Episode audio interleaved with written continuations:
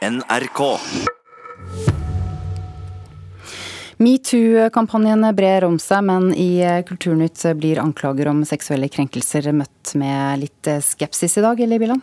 Ja, advokat Jon Wessel Aas mener det ikke alltid er greit at personer blir identifisert og skylda for trakassering i sosiale medium. For under emneknaggen metoo blir personer som har audmyka andre med seksuelle tilnærminger, avslørte. I Sverige var det i helga demonstrasjoner i flere byer, og også i Frankrike har nettkampanjene mot overgrep vokst seg store. Overgrepsskyldningene mot filmtoppen Harvey Weinstein er dermed i ferd med å få store ringvirkninger. He then grabbed my hand and pulled me towards him and forced my hand onto his penis and held it there. Heather Kerr er den siste i en lang rekke av kvinner som forteller om sitt møte med Hollywood-produsent Harvey Weinstein. Over 40 personer har til nå stått fram med sine historier, og de handler om alt fra trakassering til voldtekt. I kjølvannet av den saken har det kommet flere kampanjer på sosiale medier, hvor særlig kvinner forteller sine personlige opplevelser rundt seksuell trakassering. I Sverige tok metoo-kampanjen til gatene i går med demonstrasjoner i 13 ulike byer. Vi har fått nok! Ja. ja! Så säga till alle som har drabbats av sexuella övergrepp? Vad ska man göra? Den svenske TV-profilen Martin Timell har blitt tatt av lufta etter at anklager om seksuell trakassering, sjåvinisme og homofobi dukka opp på sosiale medier. Og flere svenske mediehus skal nå undersøke anklager om at navngitte personer har begått seksuelle overgrep på arbeidsplassen. Plus de 62 000 tweets ont été postés avec le hashtag balance ton porc. I Frankrike har også Weinstein-saken ført med seg en egen nettkampanje med emneknaggen 'balance ton port', eller på norsk 'avslør grisen din'. Et stort antall franske kvinner har fortalt sine historier på nettet, men ingen i makteliten er så langt identifisert. I en fersk undersøkelse kommer det fram at over halvparten av alle franske kvinner har blitt utsatt for seksuell trakassering eller overgrep. Franske organisasjoner for de som har opplevd seksuelle overgrep, forteller om en enorm økning i pågangen etter at nettkampanjen ble lansert. Reporter var Oddvin Aune. Jon Wessel Aas, advokat i Bing Hodneland advokatselskap og ekspert på ytringsfridom, velkommen til Kulturnytt. Ja, god morgen. Menn som blir skylda for seksuelle krenkinger, blir altså identifiserte på sosiale medier. Men dette mener du er et juridisk problem. Hva mener du med det? Nei, På spørsmål fra dere så svarte jeg at det ikke var uproblematisk. og Det er ikke denne kampanjen som sådan eller det å ta opp tematikken som er et problem, selvfølgelig. Men juridisk, der hvor man identifiserer den som blir beskyldt for det, Eh, særlig når det skjer offentlig som her, eh, da risikerer man og å bli møtt med et, et motsøksmål, holdt jeg på å si. Et søksmål om, om ærekrenkende beskyldninger. Det er vel ikke så merkelig at man har en beskyttelse mot å bli beskyldt for å ha begått straffbare handlinger. Så det må jo kunne dokumenteres hvis det kommer til stykket. I Frankrike har vi vel allerede sett et eksempel på at en mann har i hvert fall varslet at han går til søksmål mot de beskyldningene. Eh, så, ja. ja. Og disse kvinnene vil da ikke ha en sterk sak? Eh, dette, her det jo, varierer det jo veldig. Det er jo ikke, eh, er jo ikke ulovlig å, å, komme med sanne beskyldninger. Problemet her vil jo være der hvor man velger å identifisere det man mener er, er overgriperen, og der hvor man ikke klarer å dokumentere at det har skjedd, og vedkommende nekter for det. Da ligger man dårlig an.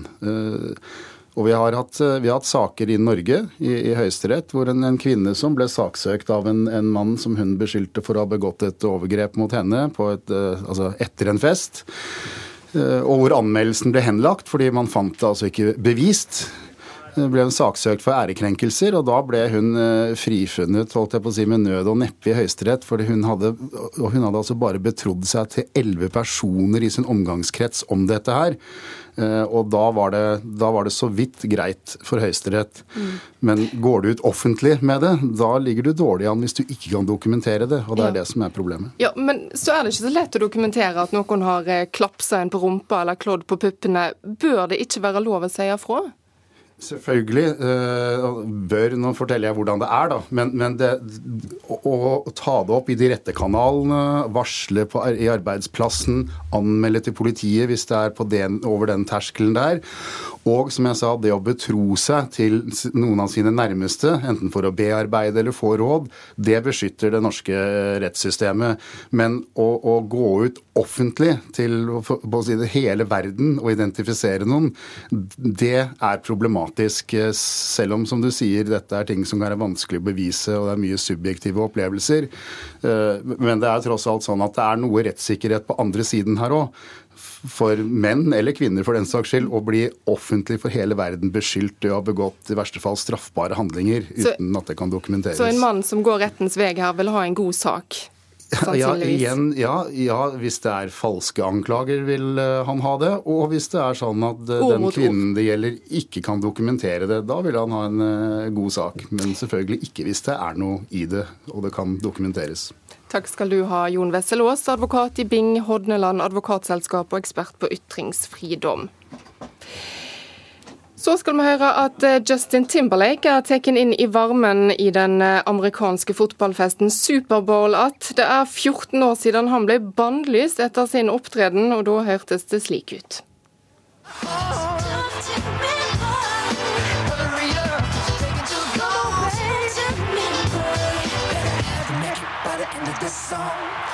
Ja, Reporter Kristine Sterud, kanskje litt vanskelig å høre, men eh, hva skjedde her? Jo, det her var i 2004, og det er Timberlake som opptrår sammen med Janet Jackson. Og mot slutten av denne sangen her, så avslutter Timberlake med å rive i kostymet til Janet Jackson, slik at det ene brystet sitt rett og slett blir eh, blottlagt.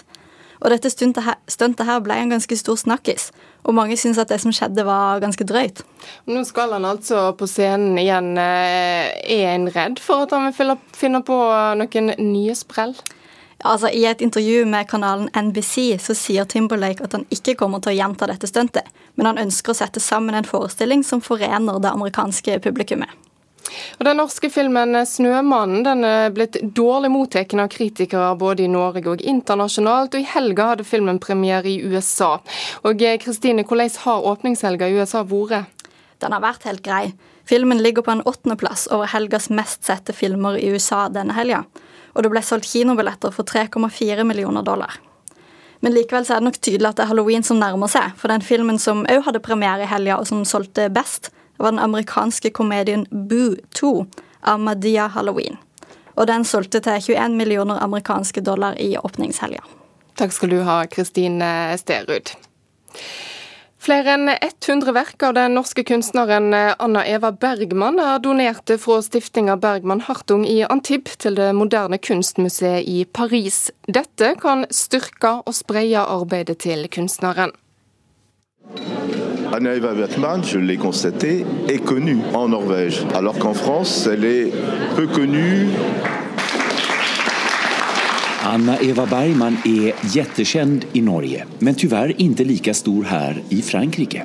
Fast nu kommer det förhoppningsvis bli förändring på detta, säger Daniel Malingre, chef för Bergman Hartung-stiftelsen.